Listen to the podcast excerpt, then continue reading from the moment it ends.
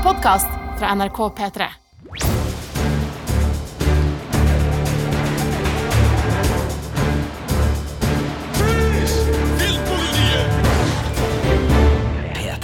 Velkommen til Filmpolitiets serietips med Sigurd og Marte. Og i dag, denne episoden, så skal vi gå løs på strømmetjenesten Disney pluss og gi deg åtte serietips til gode serier som ligger der og gjemmer seg. De har jo noe sånn Baby Yoda-greier og noe sånt som du sikkert har fått med deg, og det er ikke sånn at vi ikke skal innom uh, de store Disney-franchisene uh, i løpet av denne podden, men vi skal også prøve å plukke litt fra det som nå begynner å bli et ganske stort bibliotek uh, i Disney Pluss av gamle serier, av andre serier, fordi de har jo eierskap til mye rart Disney, og gjennom den portalen som heter Star i Disney Pluss, så har de også lempa inn en del både gamle favoritter og ting som Marte gir terningkast én, og som vi ikke skal snakke mer om her. Kremt Big Sky, kremt, kremt Big Sky. Big Sky. Ikke se Big Sky.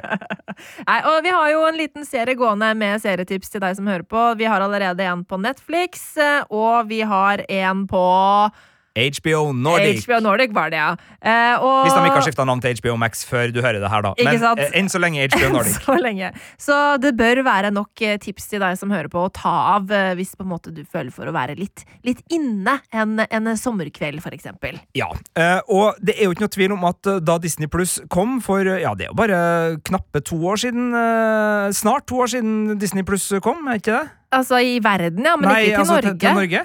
Var det i fjor? Nei, var det ikke i fjor, da? Var det i fjor? Ja.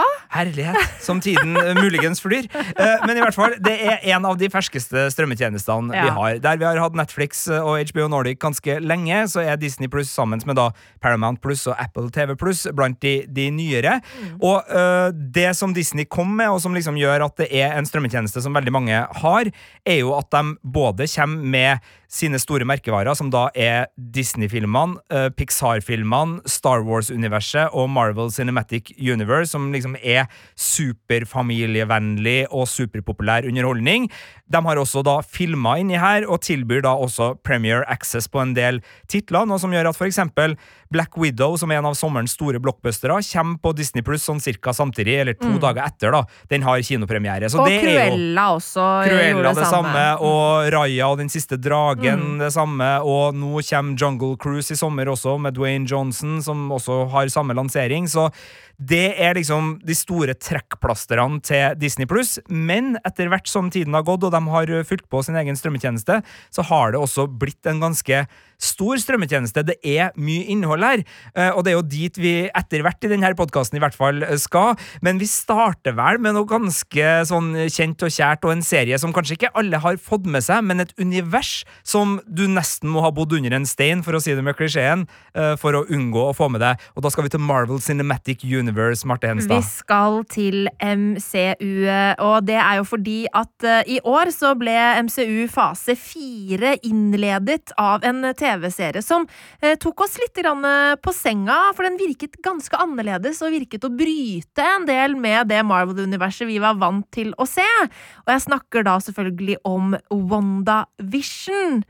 En helt vi kjenner fra Avengers-gjengen, og som har vært med i flere Avengers-filmer, og som hadde en backstory som gjorde at det var selvfølgelig interessant at hun skulle få sin egen serie, men det var jo spesielt formen på den serien Yes. som gjorde at vi ble øh, både overraska og også som serienerder begeistra ganske fort. Det var du som anmeldte den til, for Filmpolitiet. Du fikk vel bare se de tre første episodene, Ja. men allerede da så var du klokkeklar på femmeren. Ja, jeg ga WandaVision de tre første episodene terningkast fem, og det gjorde jeg fordi at jeg ble altså så eh, nysgjerrig eh, på hva dette her universet skulle være. Fordi eh, serien eh, var ganske sånn mystisk i starten, og det virket som om eh, vi var på en eller annen sånn slags reise inne i sinnet til Wanda, hvor da hver episode tok formen til altså sånn gammel TV-historie, amerikansk TV-historie.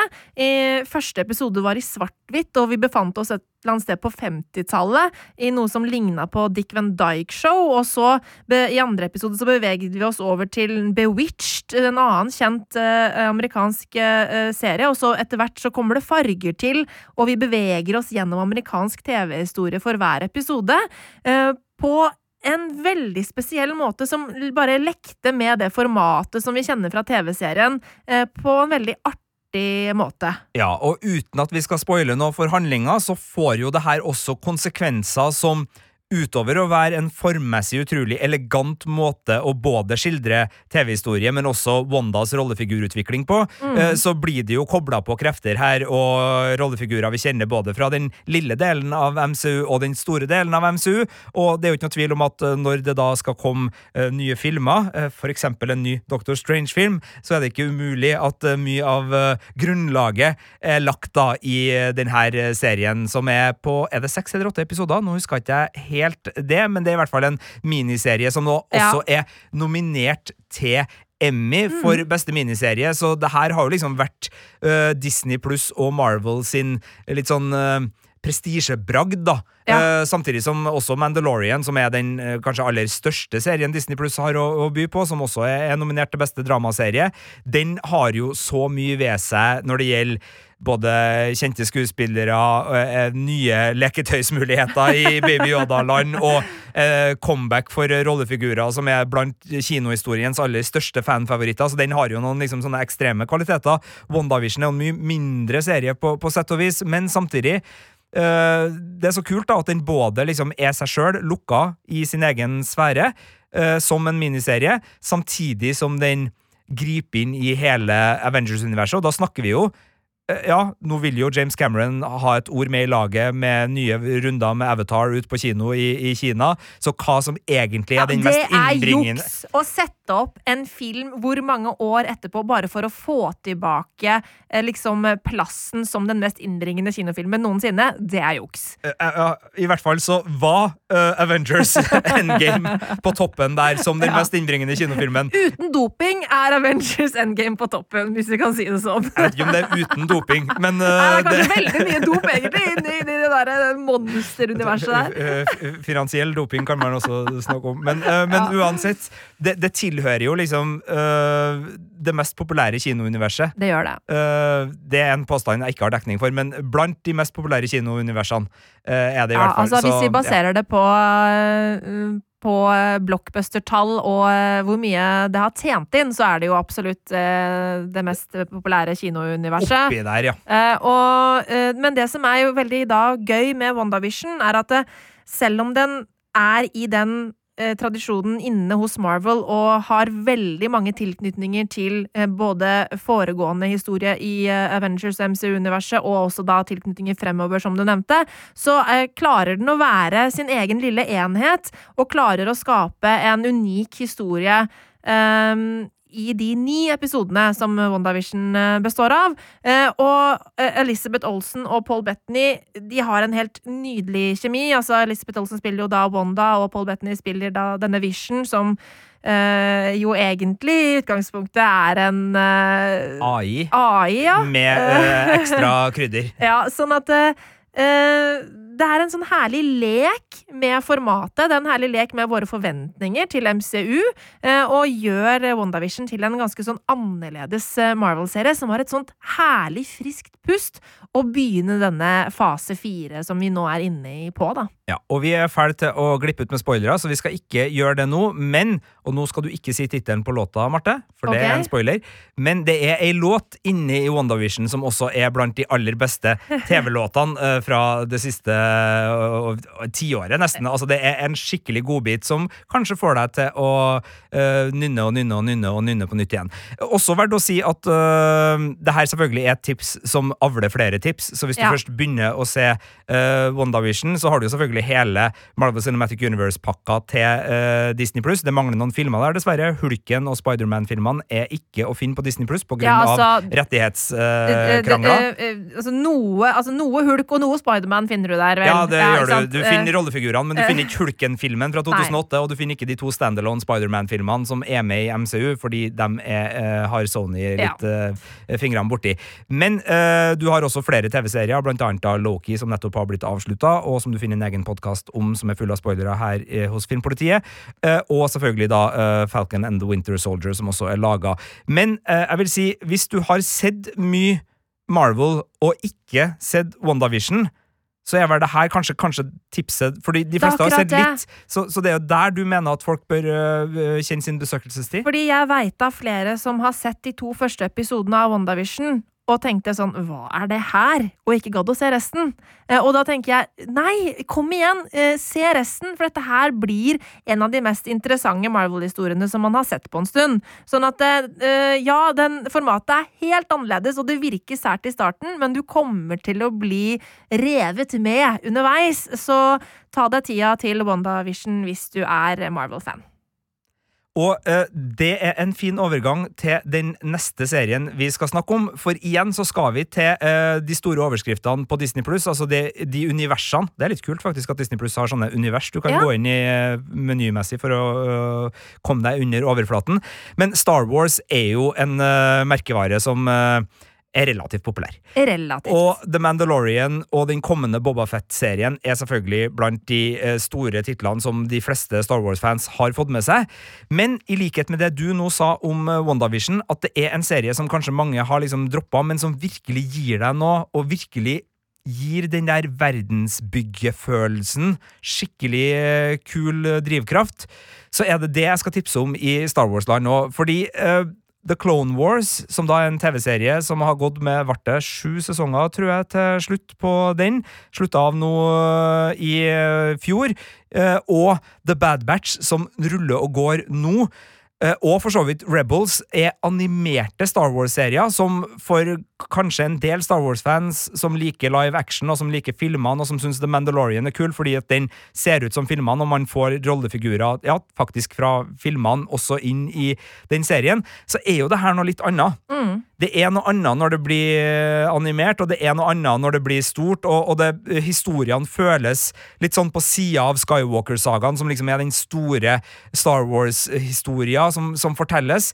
Men det er så mye kult her, og det henger så godt sammen, og etter at The Mandalorian kom og ble en så stor suksess på å ja, hva har vi sagt, Marte? Altså, den brekker opp Mm. ø, verdenen og virkelig får oss engasjert i mytologien til Star Wars på en annen måte enn bare liksom, hva skjer med Luke, hva skjer med Leia, hva skjer med Han Solo, hva skjer med Chewbacca, og hva skjer med Kylo Ren. Altså, nå er jeg liksom djupt fascinert over ø, konflikter på planeter jeg ikke visste eksisterte engang da jeg ble Star Wars-fan. Men det er så god historiefortelling i de her animerte seriene at man blir hekta. Og jeg må si, siste sesongen av Star Wars The Clone Wars, som kom i fjor, og som da nærmer seg For det her foregår jo mellom eh, film to og tre i Skywalker-sagaen eh, mye godt, eh, og har Anakin Skywalker og Obi-Wan Kenobi og Ashoka Tana og mange rollefigurer som, som man kjenner godt, men også uh, veldig mange clone troopers, altså uh, klonesoldater, og, og vil bli kjent med mange. Men der begynner de hendelsene å bygge opp under øh, tredje filmen på en sånn måte at jeg virkelig bare satt med en sånn her Nå er jo alt bedre. Mm. Nå er jo hele førstetrilogien i Skywalker-sagaen bedre. Uh, og det, jeg har ikke sett den siste sesongen av eh, Clone Wars ennå, men uh, jeg har sett uh, ja, alt annet. Og, og det som jeg må si, er at det, inn, de innledende sesongene det er jo en del episoder der som bærer et preg av at det er en barneserie. Eh, eh, sånn at eh, Men ikke la deg avskrekke av det.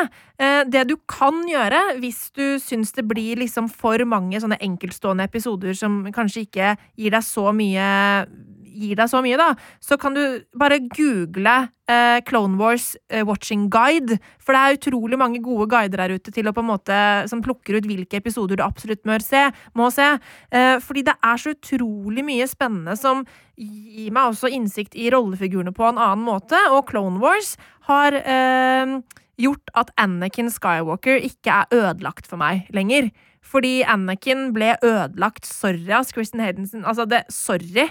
Eh, det, for en forferdelig rollefigur. Helt jævlig ræva. Jeg hate you, liksom. Det var så dårlig! La, ok, Nå skal jeg ikke begynne å snakke om uh, prequel-filmene, men jeg, jeg, jeg, blir provosert av, å, av, å, av hvor Nei, altså, Anakin i pre... Altså, Kjempebra. Nei, vet du hva. Er, mener du det på ekte? Ja, ja, ja. Eh, eh, altså, mener du eh, den, Kjempebra. hele romansen mellom han og Padme og, Når de er og når han der er sånn og står og ser utover innsjøen, og han du du, forteller om seg du sjøl Du er full av kødd. Du, du bare provoserer. Det er så krisedårlig, og det er jo det er ikke bare Hayden Christensen sin feil. Det er um, Hayden Christensen uh, sleit med et dårlig manus som han ikke klarte å heve, dessverre. Men um, Jeg skal bare si Ja, jeg, jeg vet at jeg, det er lett å, å terge opp deg på det der, Ja. men jeg så igjen filmene her forleden. ja, jeg har også sett dem for ikke så lenge siden. Det, det er ikke så ille som jeg syns det var da jeg så dem på kino. Jeg syns det er verre. Ok, ja. Men det Eh, er to forskjellige Ja, okay. Men uansett, da. Uh, he- altså, i, her er min mening. I uh, ikke episode én, men i episode to og tre så fremstår Anakin som en liten drittunge som eh, handler helt det, det er ikke det er ikke noe rasjonell logikk i hvordan den figuren utvikler seg i løpet av de to filmene. Det får jeg i Clone Wars, og jeg forstår Anakin. eh, og eh, jeg liker rollefiguren. Jeg likte han aldri eh, i prequel-filmene, fordi at de klarte ikke å skape et bånd til han. Han ble bare en irriterende liten sytepave, og sytepaver er det verste jeg veit. Sorry. Eh, du får veldig mye av å dykke ned i eh, det Star Wars-universet som finnes på Disney Pluss, spesielt da med de tre animerte seriene Clone Wars, uh, Rebels og den som nå ruller og går, Star Wars The Bad Batch, som egentlig kunne ha vært en åttende sesong av The Clone Wars, for det, det er rollefigurer man blir kjent med i Clone Wars som, som spinner videre på. Men, men alle de tre er gode. Og så er det jo også fornøyelig for Star Wars-fans at uh, Disney Pluss har åpna opp uh, det gamle biblioteket og lagt til de gamle Ewoks-tegnefilmene som eh, var å få leid på video, altså VHS, i Norge da videobutikkene herja. De er vel fra 85 og 86. Aldri sett dem. Nei, det er rare greier. Det er en helt annen tone, men det er liksom George Lucas uh, som står på story på dem òg. Og det er i uh, den tradisjonen som Ducktales, Bompibjørnene og de her type animasjonsserier fra 80- og Ja, starten på 90-tallet er. Uh, kanskje ikke like god. Jeg har ikke sett rubb og stubb der, men nå ligger det faktisk to sesonger av Evox ute på eh, Disney Pluss også, så man har muligheten til å enten være nostalgisk eller oppdage noe ganske eh, rart, Rart. og, og nytt. Eh, og det ligger også de, de gamle rett på TV Star Wars-filmene, Caravan of Courage og Battle of Endor. Og man finner den der første møtet med uh, Boba Fett, som da er vel henta fra julespesialen som uh, kom i 78, og som uh, ikke har fått en offisiell utgivelse på nytt. eh, men der er det jo en animert sekvens hvor eh, eh, Luke Skywalker eh, og Chewie og Han Solo møter uh, Boba Fett, så den er også verdt å se. Det er jo bare en åtte-ni minutters eh, liten tegnefilm, men Ja. det er jo en kuriositet som er med og uh, gir liksom dybde og smak og kuriosa til uh, det her Star Wars-universet, som veldig mange er veldig glad i. Så, så animert Star Wars på Disney Pluss er egentlig serietips Men- uh, nummer to. Ja, men bare sånn, når når vi nå først er inne på liksom gamle 80-talls uh, tegneserier altså, altså Bompebjørnene ligger jo også på Disney Pluss. Ja. Og eh, altså Redningspatruljen, Snipp og Snapp, ligger også på Disney Pluss. Ja. Altså, det er ganske mange eh, gamle godbiter som ligger der ah, på tegneseriefronten. Det gjør det. Eh, Men når du først åpna den døra, så har jeg et lite hjertesukk, og det Ja. er at overføringskvaliteten eh, har ikke vært veldig god. Så kvaliteten på både bilder og, og eh, stem, altså det, det, Jeg skulle ønske at de hadde gått gjennom og fått fresha opp det. Eh, det er nesten sånn at VHS-spilleren klarer å Å, yte, yte større Nei, det, det er Det er um, Ja, det er noe, no slitt over, ja, ja, de har jo ikke pussa dem opp. De har De jo bare har slengt dem rett over. Det er Så, så jeg ble litt skuffa når jeg skulle gå inn og se gamle Ducktales-favoritter. eh, For det hadde jeg mye av på Det har jeg mye av på tegnefilm eh, på, på VHS liggende. Med Harald Mæle på, på stemmeskuespillet og Mari Maurstad som Ole Dolo Doffen. Men Altså, var ligger det originale Ducktales på Disney Pluss? Er det ikke bare de nye?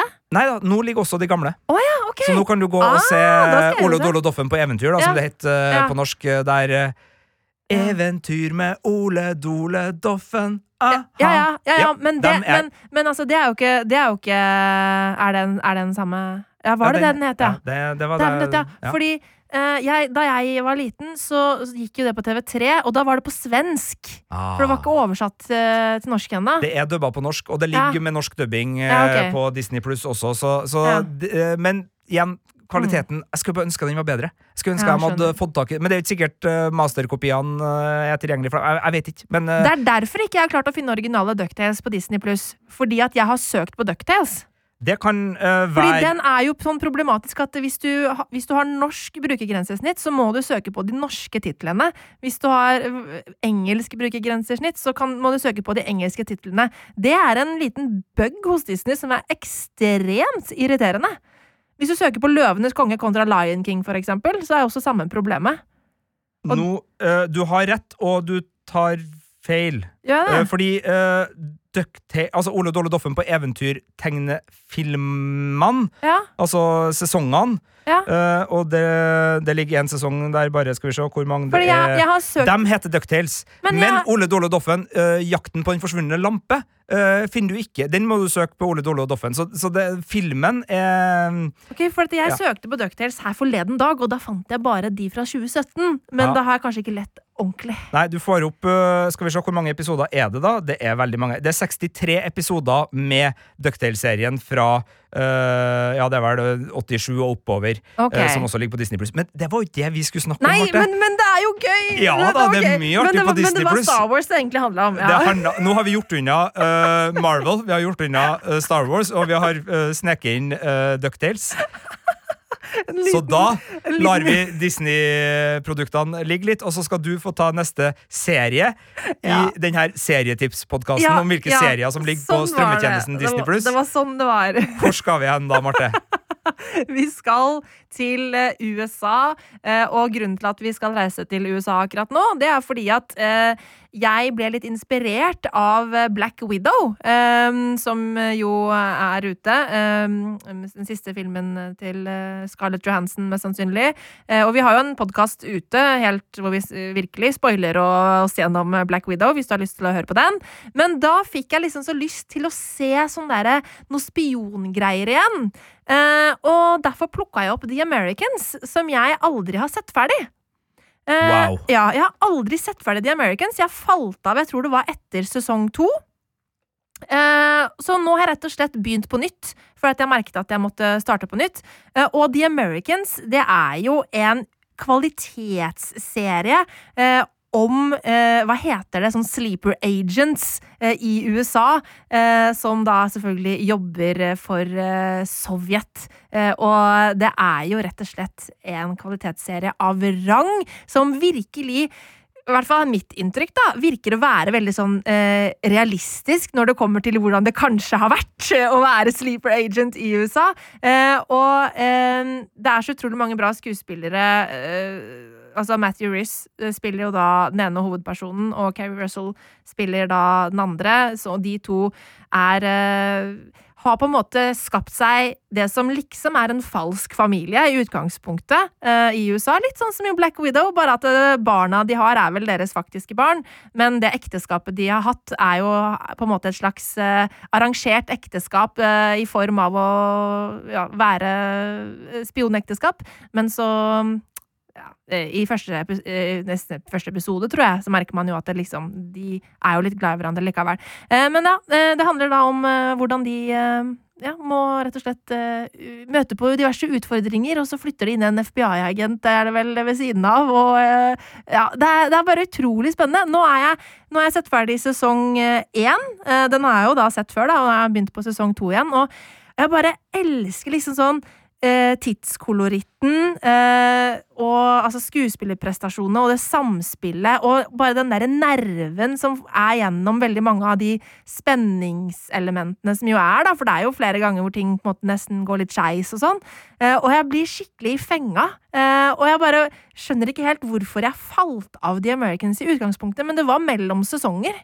Eh, tre ting. For det første, mitt wow var ikke wow uh, i noen negativ kontakt, uh, kontekst. Det var bare wow fordi Fy søren, for en bra serie det er. Ja, Det er sykt bra Nummer serie. to, uh, nå skal du slutte å spoile Black Ja, Widow. ja, okay. uh, men vi kan bare si at Nei, det, det Marte jo- sa om Black Widow, det det, er skjer veldig første- tidlig i filmen. det Det er skjer tidlig i filmen. Det er ja. jo første Så scene! ikke, ikke tro at vi har spoila noe uti Black Widow her. Men Nei, nei, øh, nei. i forrige podkast så plutselig spoila vi Black Widow uten å si fra om det, og det beklager vi. Ja, nei, vi har, jeg har Eh, ikke spoila Black Widow. her vi ikke er, det. det her er premisset for Black Widow, som Ja. man ser i traileren. Så det, det er ikke spoiling. Nummer tre, The Americans har hatt en øh, vanskelig vei til norske skjermer. Den gikk på Var det TV6? Altså, Den har gått på forskjellige Ja. plasser. Den har vært vanskelig å få se. Den har delvis ligget på Netflix, men ikke vært Så jeg har jo drevet og anmeldt Kanskje det er øh, derfor jeg har falt av, da. det har vært mulig å ramle av The Americans. Jeg, jeg drev jo og anmeldte den, og jeg måtte kjøpe episodene på SF Anytime, husker jeg, på et tidspunkt inni der, for å, Ok. øh, fordi den tok så lang tid å komme til Norge. Ja, Den brukte så lang tid på å komme til Norge. Altså, Den hadde øh, premiere i USA. Det er jo en FX-serie, så den øh, Nå eier jo Disney Fox, øh, og FX er jo da Fox sin kvalitetsavdeling Mhm. med serier som Fargo og Atlanta og, og mange andre gode. Um, men det, det var en deal der som gjorde at uh, det havn, nå, på, Til slutt så tror jeg det havna på Fox sin TV-kanal i, i Norge. Men, det stemmer. men den var eh, sånn rundt sesong to-tre så drev den og gikk på TV6, tror jeg det var. ja. Som da var en eh, Jeg vet ikke om den TV-kanalen eksisterer en gang lenger. Da tipper jeg det var derfor. Fordi det å, skulle, det å bli tvinga til å følge med på lineær-TV, det, det skjer jo ikke. Den var vrien. Men så har Netflix eh, hatt den eh, fram til siste sesongen, og så eh, har det jo skjedd ting. Men nå Ja. ligger da alle sesongene på Uh, Disney Pluss, og det er jo så de ligger deilig. også på faktisk Amazon Prime Video, faktisk. De gjør det jo nå, ja. Mm. ja. Så nå skal vi få se Americans, ja. Men da den gikk, så skulle ikke vi få se de Americans. Nei, det, det er en utrolig ja. god serie, og det eneste jeg angrer litt på, Ja. uh, da jeg anmeldte siste sesongen, som fikk uh, en veldig, veldig god anmeldelse, men jeg satt Jeg husker jeg satt og diskuterte det her med vår kjære kollega Birger Vestmo. Eh, ikke at han fikk lov til å være med og bestemme det, men jeg, satt og, og tømte min frustrasjon uh, til han, ja. for jeg hadde så lyst til å gi terningkast seks. Ok, og så gjorde du det ikke? Så gjorde jeg det. Og det angrer du på? Jeg kjenner at jeg angrer litt på det. For det var en det, Jeg skal ikke si noe om hvordan den slutter, men den slutter veldig sterkt. Ok. Uh, sesong seks er det vel. Uh, den slutter veldig sterkt. Så det er en serie som ikke feider ut i eh, det ubetydelige eller det kjedelige. eller, ja. Den videre. har en skikkelig, skikkelig slutt. Ja, det, jeg, det gleder jeg meg skikkelig til å, å følge med på. Og jeg, jeg meg Men det ble veldig- terningkast fem, altså. Det er fasit. Ja, jeg skjønner, jeg Eh, skjønner. Men, men den har aldri vært under terningkast fem, den serien. Og Nei. den har vært oppå terningkast seks. Ja, ok. Ja, men jeg, jeg gleder meg veldig til å se hvordan det går med dette ekteparet. For dette, det som jo også gjør denne serien her så bra, er eh, at liksom mellom på en måte, alle disse der spenningsgreiene og thrillertingene og oppdragene og ting som nesten går skeis og alt det der, så, så skal de òg på en måte ha en hverdag. Og de har to barn, og liksom eh, det, ja, det er en sånn herlig dynamikk der, som er veldig interessant å følge med på. Ja, det er Altså, eh, første gangen jeg kom borti det der konseptet, hvis jeg husker riktig, var i filmen Little Nikita, som Ja. River Phoenix, altså den nå dessverre avdøde lillebroren til Joaquin Phoenix, eh, spilte i. Lurer på om Sidney Portier òg var med i den filmen. Den hadde vi på VHS eh, hjemme, og der òg var det konseptet en eh, sovjetisk familie Mm. bor som amerikanere Ja. i USA. Så det, det har liksom vært med meg siden barndommen, det der fascinerende konseptet av bedrag Ja. eh, og spionasje og liksom folk man stoler på, og tror man liksom kjenner, og så Og også den derre That's what we wanted you to think, Ja, og- som er et sitat fra uh, Simpsons. Beklager, det var ikke meninga. Men i Simpsons har også en episode hvor Ja. uh, de tror at uh, Sovjet uh, har gitt seg, selvfølgelig, etter uh, murens fall. Og så plutselig så viser det seg at Sovjetunionen Mm. har drevet et lite spill, så Homer Simpson blir da kraftig overraska da det viser seg at Sovjet er i full sving, og dermed da sitatet 'Det var det vi ville at dere skulle tru'. Beklager aksentbruken, den var ikke heldig. Men The Americans, altså. Jeg er godt i gang og fortsetter gjennom sommeren med å, å se det. Og kose meg, storkose meg skikkelig med det. Jeg er skikkelig glad for at jeg har plukka den eh, opp igjen. Så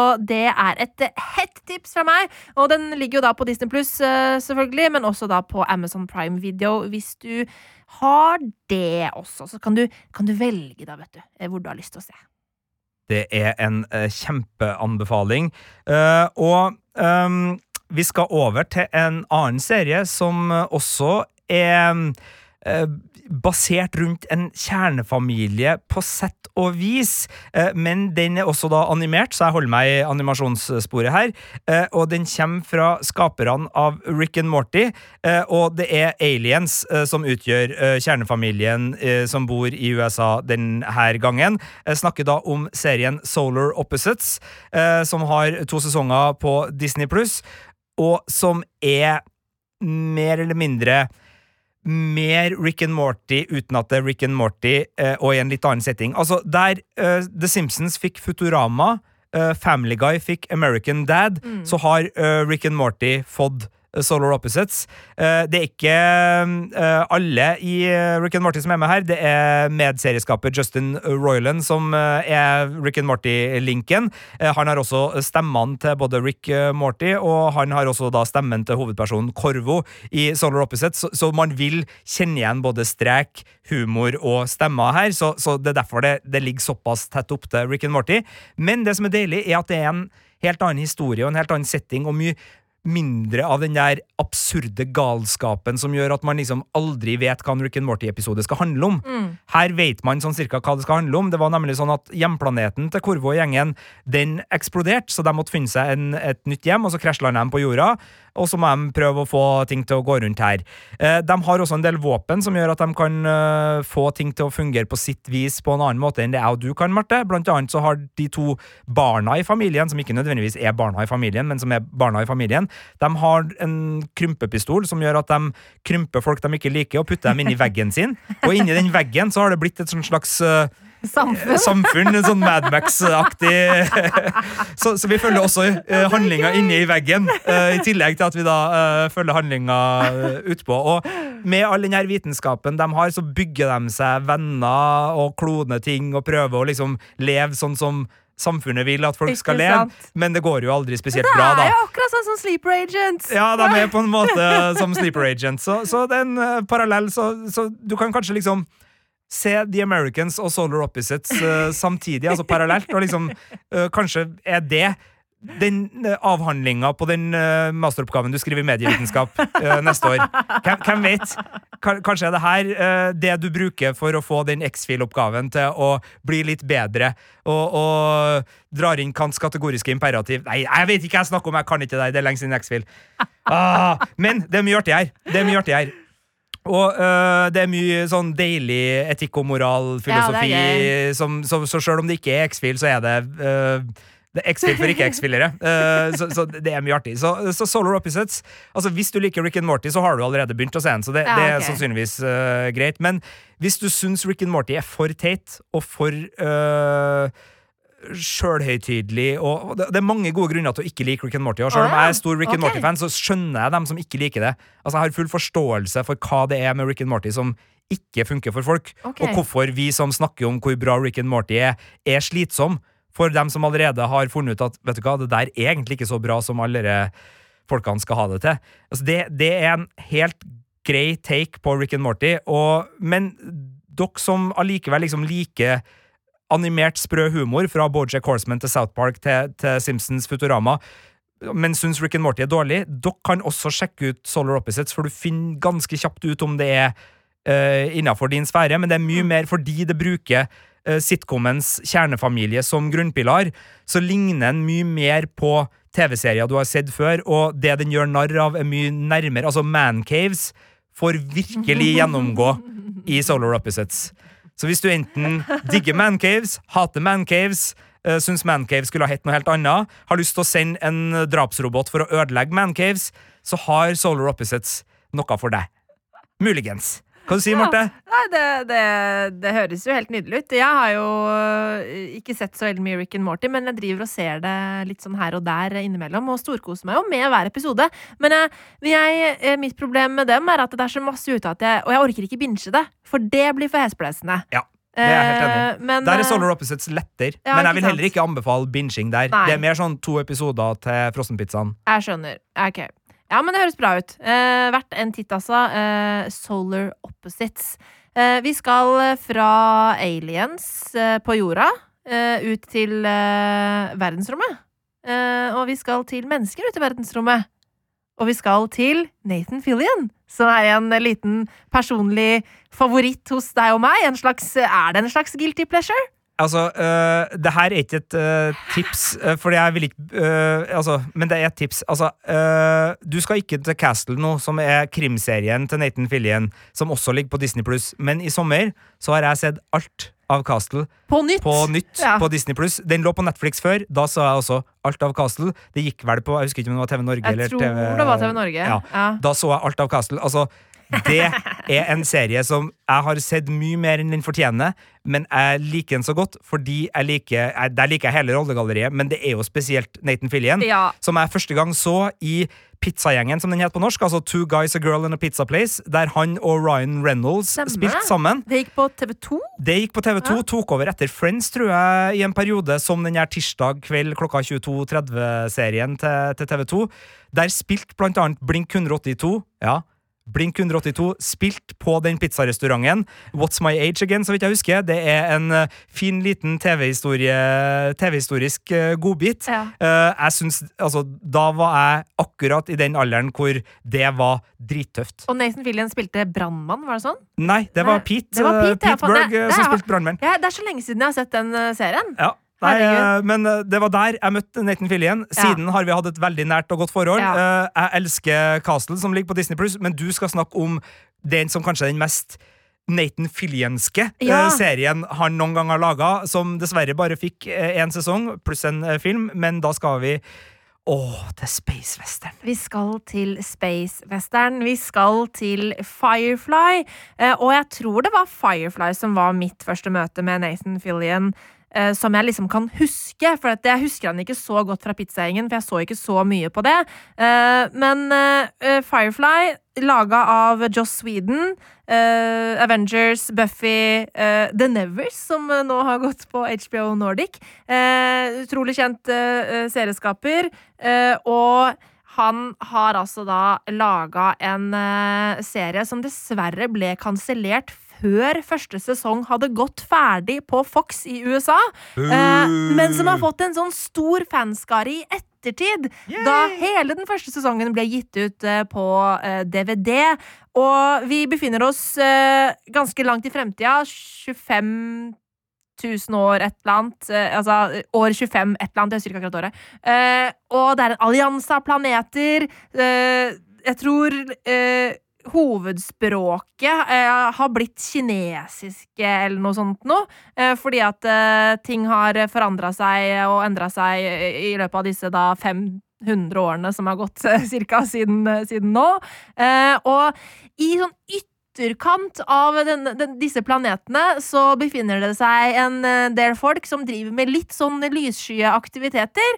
Eh, Litt smugling, litt, eh, litt bounty hunting. Altså, de bor på bygda.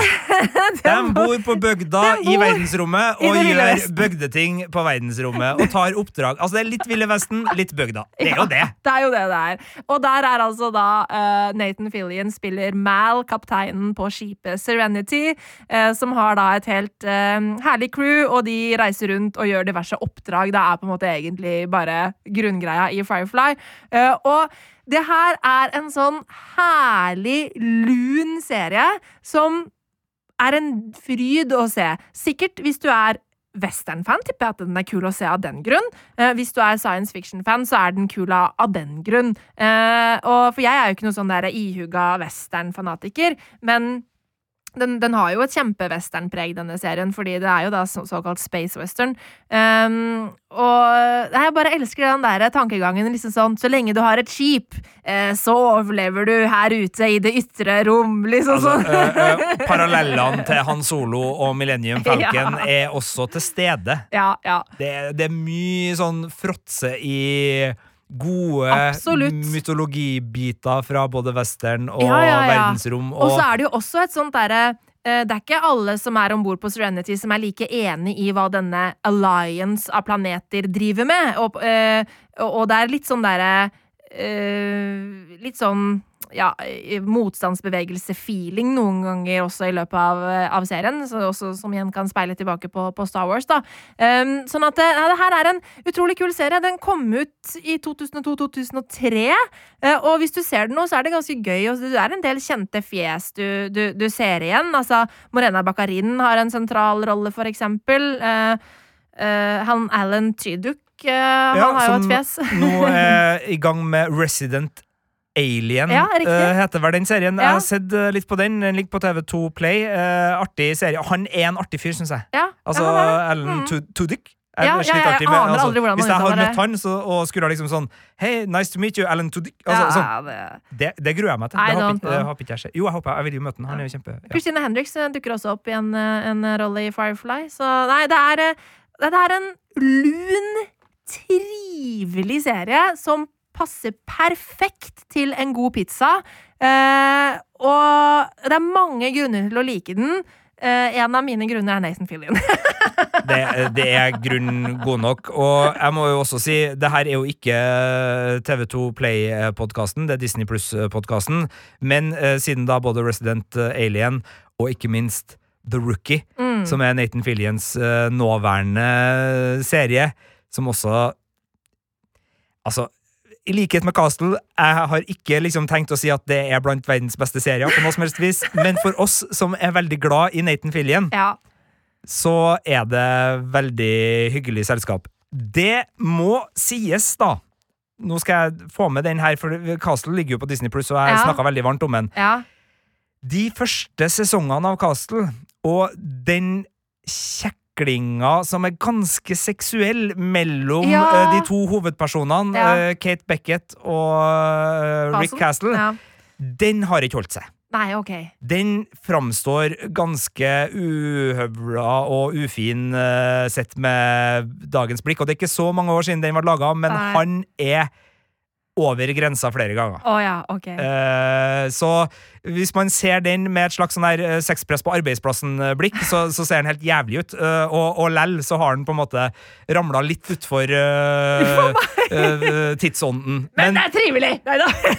men The Rookie eh, har eh, ikke de problemene. Okay. Den er mer eh, ja, så, Sånn sett så er kanskje The Rookie Ja, på TV2 Play ok. et eh, ja. Men hvis du vil ha eh, Hvis du vil ha lun og vittig og, og spennende uh, space western, uh, så har du da 14 episoder med Firefly tilgjengelig på Disney pluss. Det er en varm anbefaling. En av mine sånn absolutte favorittserier gjennom tidene. Eh, fra det lune, koselige oppsynet til Nathan Fillion, så skal vi over til det som er kanskje den Altså, Disney Pluss er jo veldig familievennlig, men en serie som ikke er spesielt familievennlig, og som er direkte uhyggelig i stemning, er The Killing, som da er den amerikanske versjonen av den danske meganordisk noir-hiten Forbrytelsen, hvor eh, Sofie Gråbøl og strikkagenseren eh, ble liksom internasjonal eh, symbol på at eh, Skandinavia kun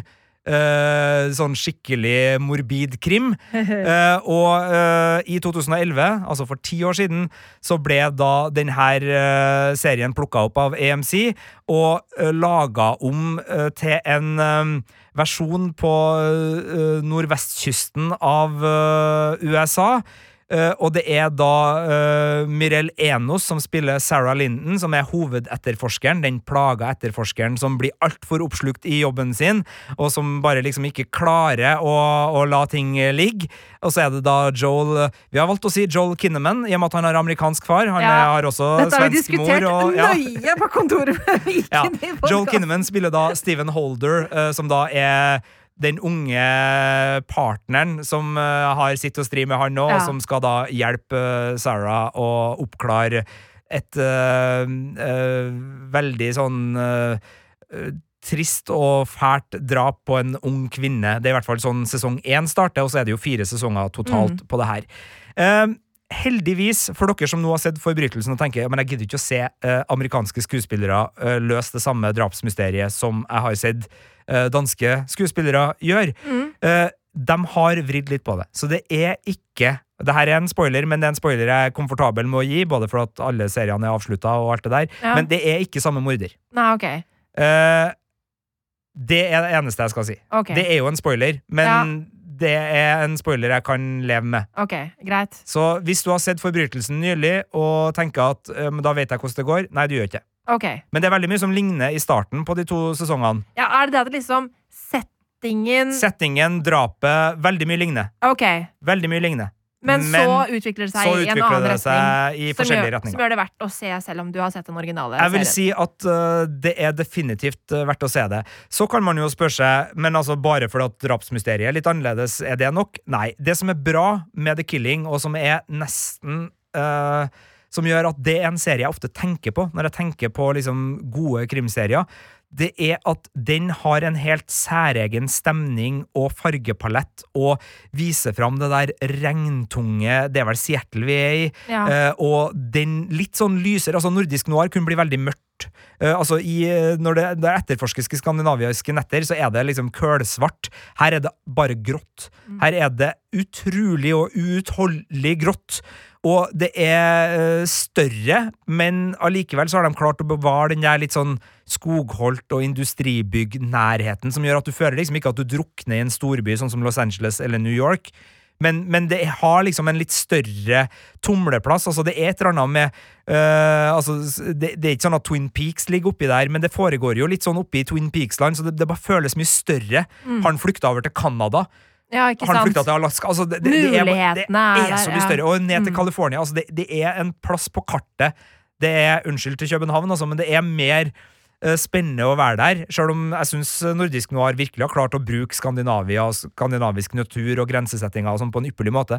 Men det er skikkelig stilig. Og siste sesongen husker jeg bare som et gjesp, altså sesong fire. Men okay. sesong én og to spesielt, og også til en viss grad sesong tre, eh, er skikkelig, skikkelig god krim, syns jeg. Ja. Stemningsfull, god krim. Ikke terningkast seks sånn. Den er liksom helt fantastisk, og uten et rollegalleri som liksom blender, sånn som Kate Winslet gjorde i Mare of Easttown nå, for dem som eh, ble hekta på den.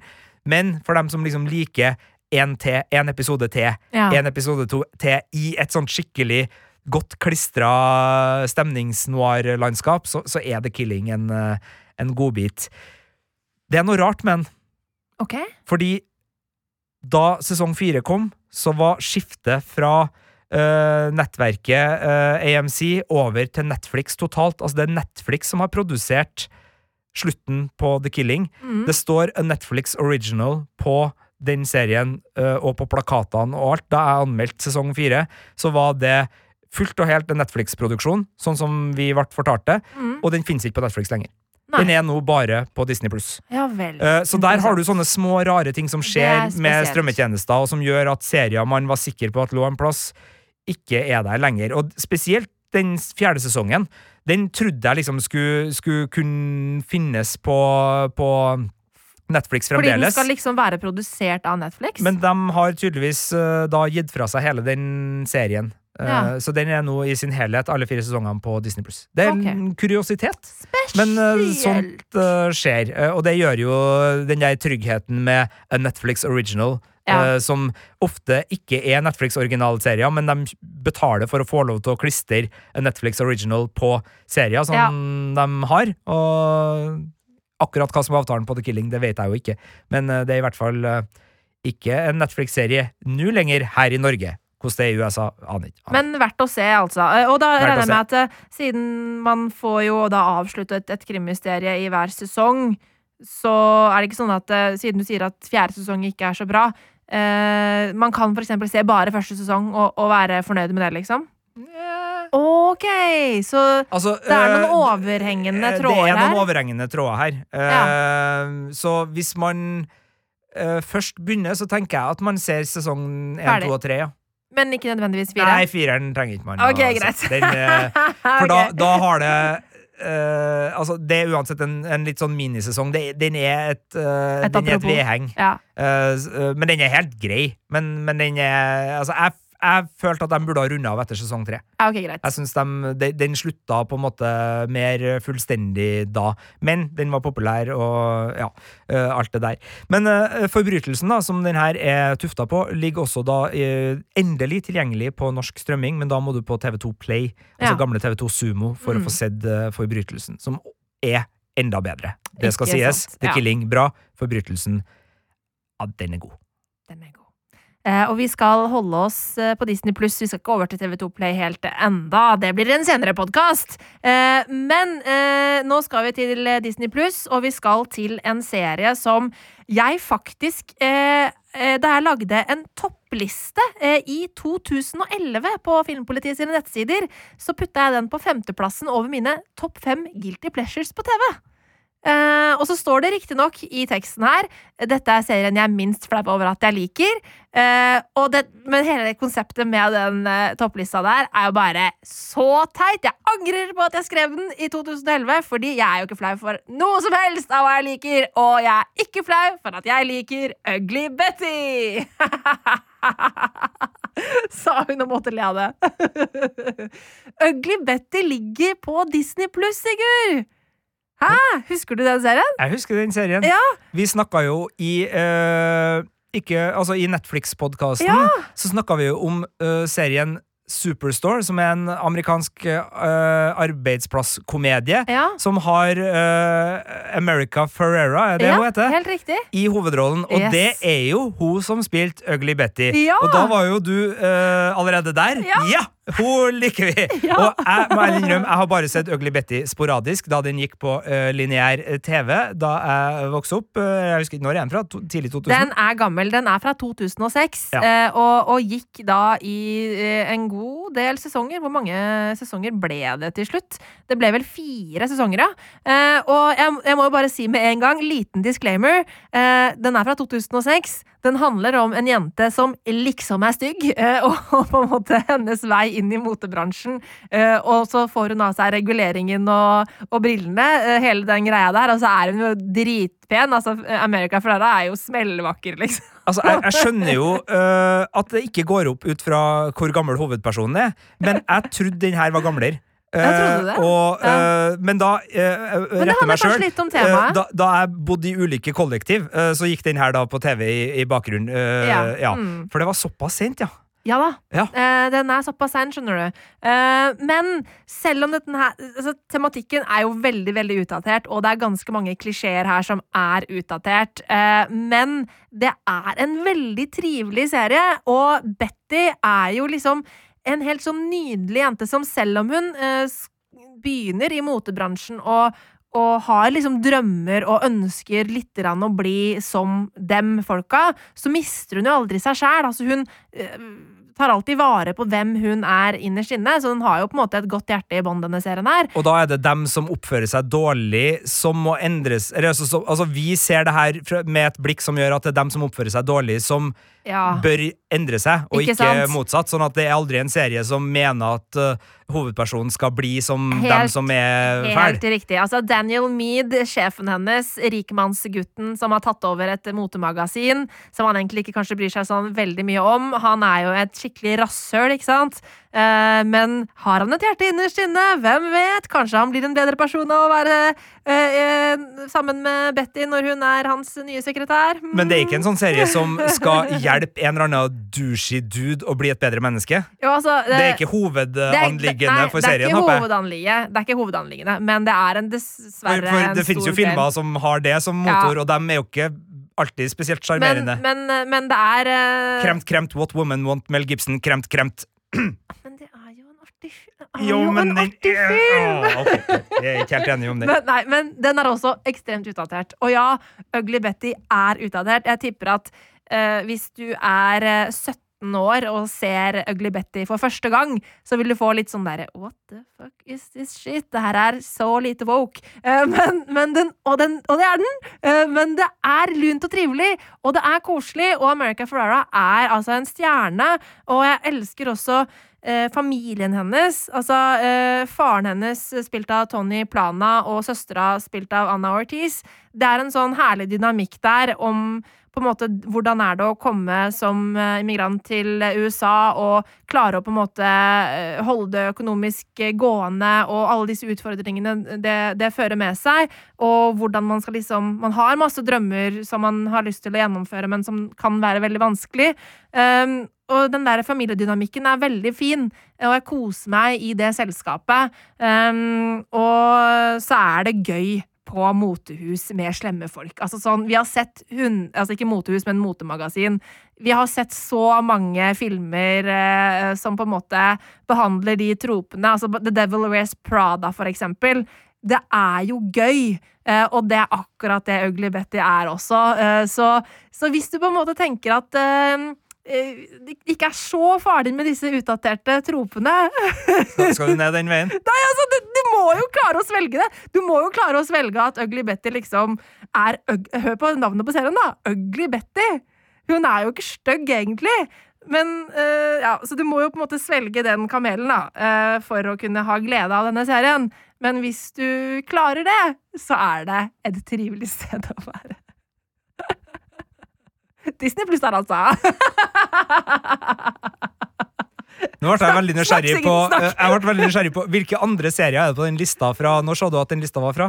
Uh, ja, ja, OK, greit. Ja, for du- for du- 2011. Du laga da ei liste i 2011 på Filmpolitiet uh, sine nettsider Men, ja. over serier som er dine guilty pleasures, og vi vet nå at Ugly Betty var på fjerdeplass, var det? Eh, på femteplass. På femteplass. Den er jeg minst flau for. Men jeg syns konseptet i utgangspunktet nå er teit. Fordi Ja, ja. jeg er jo ikke egentlig flau over noen som helst Da, ting Men få høre de andre seriene, da, Martin. ok, greit. Fjerdeplass. Gilmore Girls. Hvorfor skal jeg være flau over å like den? Ja, bra serie. Ja, sant, jeg skjønner ikke. Hvorfor er jeg flau for det? liksom? Fatter ikke. Eh, tredjeplass. Å ja! Say yes to the dress. Altså reality-serien som gikk på TLC. Say yes okay, det- to the dress. Det her, det her må ses i sammenheng med at jeg gifta meg i 2012. Så det må ha vært derfor jeg så på Say Yes to the Dress på TLC. Fordi at jeg var i, i, i bryllupsplanleggingsmodus, og da var det gøy å se på psycho Uh, bridezillas som, og sine psycho bridesmaids. Det var så mye psycho bridesmaids som skapte trøbbel. Ja, ok, Nå skal jeg ikke begynne å snakke om det, men ja, Say Yes to the Dress på TLC, det var en morsom serie. Og så på andreplass! Ja. Og det blir flauere og flauere ikke sant? jo nærmere toppen vi kommer. Eh, og jeg er litt uenig i at det er det her som er andreplassen. Den burde kanskje vært første, men det er Seventh Heaven. Altså, den gamle, Ja. eh, kristne, Ja, kjernesunne amerikanske Yes! dramaserien Seventh Heaven. Der Jessica Biel fikk sitt gjennombrudd. Der Jessica Biel fikk sitt gjennombrudd. Mm. Seventh Heaven. Ok. Førsteplass, Martin When I see their happy Førsteplass. faces. Altså, jeg har sunget allerede i den podkasten her. Vi må gi folk uh, litt Ja. fred og ro. Og så førsteplass. Så skjønner jeg ikke hvorfor den er på førsteplass. Uh, fordi jeg er jo ikke flau over dette her i det hele tatt. Uh, jeg elsker jo den serien. Charmed. Hekseserien. Det er en fantastisk serie! Den originale eh, hekseserien Charmed. Eh, det ligger ligger var det en med hun fra Beverly Hills, eh, altså Helt- Shannon Dorothy? Helt riktig. Ja. Det var eh, Holly Marie Combs, eh, Shannon Dorothy, og så var det da Alissa Milano som de tre søstrene som ble hekser.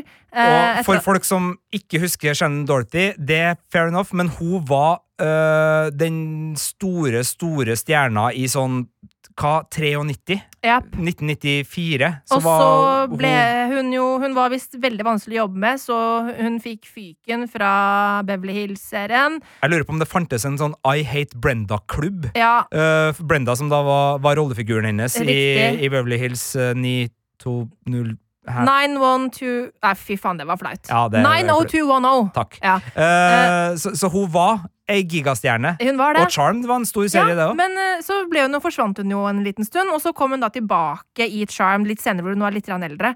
Um, men uh, det, jeg må bare si, det går en ny versjon av Charmed som ligger i TV2 Play nå. En nyinnspilling. Det er helt for jævlig ræva. Unnskyld språket mitt, men det er krisedårlig. Ikke se den. Men du ser den. Jeg har selvfølgelig sett den, men det var for å sjekke om det var bra. Veldig bra. Men nå har vi, nå har vi dig Nå digregert vi- nå- langt utenfor grensene. Ja. Det er En serie igjen av der, altså. ja, eh, en serie igjen av våre åtte serietips Ja, ja. Til, som har blitt til eh, 750 serietips på Disney pluss Yep. og TV2 Play og andre plasser. Men uh, det siste er et uh, ganske opplagt et. Jeg snakker veldig mye om den serien, men den har flytta seg uh, inn på Disney pluss, så jeg tenkte det var greit å, å si fra om det. Og uh, Donald Glover er en uh, person som mange kjenner som artisten Childish Gambino, som Ja. blant annet hadde megahiten This Is America, som lager så mye god musikk. Det er mange som eh, husker den fra komiserien Community. Det er flere som husker den fra Solo A Star Wars Story, Star Wars-filmen om Han Solo, hvor han da spiller Lando Calrissian. Men det er i Atlanta, altså hans egen eh, dramakomiserie, at han virkelig er på sitt aller beste, syns jeg. Jeg liker alt det her. Jeg syns Donald Glover er litt som Beatles på 60-tallet. Altså, det meste han gjør i blir bra. Jeg har liksom til gode å se et uh, feiltrinn, sjøl om akkurat den der filmen jeg tror den heter Blue Guava, eller noe sånt, som eh, ligger på Amazon, der han og Rihanna spiller sammen. Den er god, men den var ikke så fantastisk som jeg håpa den skulle være, Ja. i og med at Donald Glover og Rihanna uh, spilte sammen. Og der er også en framføring av This Is America inni filmen. Veldig Aha. god. Uh, en slags a cappella-versjon. Uh, Så anbefaler den òg. Men Atlanta hiphop-dramedie fra byen Atlanta. Eh, Vi befinner oss i, i forstaden hvor den blakke og sympatiske Ørn, da spilt av Donald Glover, prøver å bli manager for sin fetter, eh, den eh, småkriminelle gangsterrapperen Paperboy, spilt av Brian Terry Henry, som er i ferd med å breake. da, og I tillegg så er det da en kompis, Darius, spilt av Keith Stanfield, som er med, som gjør at de blir en slags dødelig trio da, av folk som ikke alltid får det til helt sånn som de vil. Og serien eh, følger liksom deres historie, men tar seg også tid til å ha enkeltepisoder som både går tilbake i tid, og som har liksom ett fokus. Så, så det er en sånn blanding av rød tråd med enkeltepisoder, det her, og jeg elsker det. Altså, det er en så skarp, poengtert, observasjonssikker og god serie som har alt du vil ha av menneskelig hjerte, av samfunnsengasjement, uh, spesielt når det gjelder sosiale ulikheter og urettferdigheter, og uh, hvor vanskelig det er for spesielt da svarte unge menn i en by som Atlanta å konkurrere på lik linje, da. For det, det som de sier i slutten av sesong to, som da er den foreløpige siste muligheten, vi har ikke råd til å ikke lykkes på første forsøk. Mm. For vi får ikke En ny sjanse. en ny sjanse. sjanse. Så, så den har noen sånne uh, Den tør å være så tydelig òg. Den er liksom ikke bare gjemt i et lag av uh, 'her må du tolke'. Den er innimellom, så sier han akkurat det den mener, Og og, den jo- sier det så godt. Og det er jo fordi at det er eh, Glover som står bak. Altså, han er jo en fyr som virkelig har sterke meninger og bruker kunsten sin til, til å, å si det han mener. Eh, og, og sånn sett så er jo liksom Atlanta virkelig et talerør for den kunstneren han er, da. Den er det, og, og den er så variert og fin. Altså, den, det er egentlig en Seinfeld-type komiserie. På mange vis. Og, og uh, Darius er en slags sånn Kramer-figur som er, altså, han er helt sånn Helt off, men samtidig superklok og smart, som, som ofte lander på den plassen hvor du bare får innsikt. Ja. Så, så de har liksom noen sånn, og, én en episode bare handler om at uh, Paperboy skal prøve å klippe seg, men frisøren er en litt sånn uh, hustle-type, så, så det blir jo bare umulig å få klippet seg. Så hele dagen bare går bort uh, i den der Så de har noen sånne episoder. Men så har de også noen sånne fantastiske tilbakeblikk-episoder, blant annet en som handler om ei Fubu-skjorte som en ung ørn kjøper seg, eller får mora til å kjøpe på salg. Så kommer han på skolen, og så viser det seg at en annen elev også har den samme trøya, men den er litt annerledes. Og den store kampen da, hvem har på seg fake Fubu? Altså, den er så vemodig, og det er så gjenkjennelig, og det er så artig, og det er så fint, og det er så trist. Altså, den, den- har noen sånne magiske perler da, av enkeltepisoder.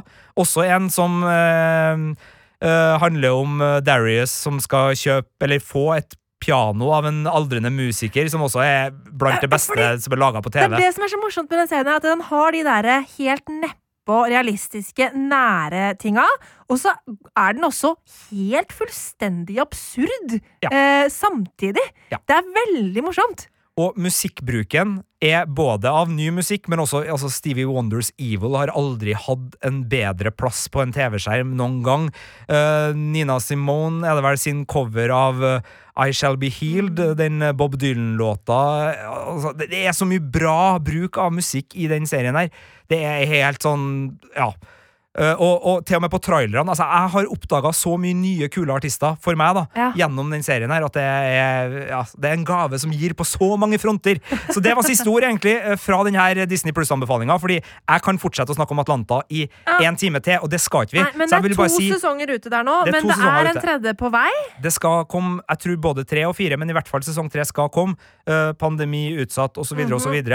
Uh, og den er også en FX-serie, da, så, så Disney eier det her nå, så det er derfor den også da ligger på Disney Pluss. Den ligger også på Viaplay fremdeles, som også ja. har en sånn Fox-avtale. Men eh, Disney Pluss har også da nå Atlanta, og hvis du da har Disney Pluss, men ikke Viaplay, for eksempel, så har du da muligheten nå til å mm. se Atlanta. Det var en sånn serie som det var litt vanskelig å få se, for den Stemmer. gikk bare på lineær-TV i Norge da den kom. I likhet med en uh, superheltserie som Legion, som også tilhører X-Men-universet, og som er utrolig bra, men som også har liksom havna under manges radar fordi den ligger ikke ute til strømming mm. på en av de store strømmetjenestene. Den har dessverre ikke kommet over på Disney Pluss ennå. Jeg håper den gjør det, men den ligger nå på Viaplay. Ja. Det vært litt Viaplay-reklame på Legion der, men Atlanta inn på Disney Pluss. Nå skal sikkert slutte å snakke. Takk for meg. Ja, og bare helt avrundingsvis, avrundingsvis her nå. Vi har i dag snakka om Disney pluss. Vi har en podkast på HBO Nordic ute. Vi har en podkast på Netflix ute.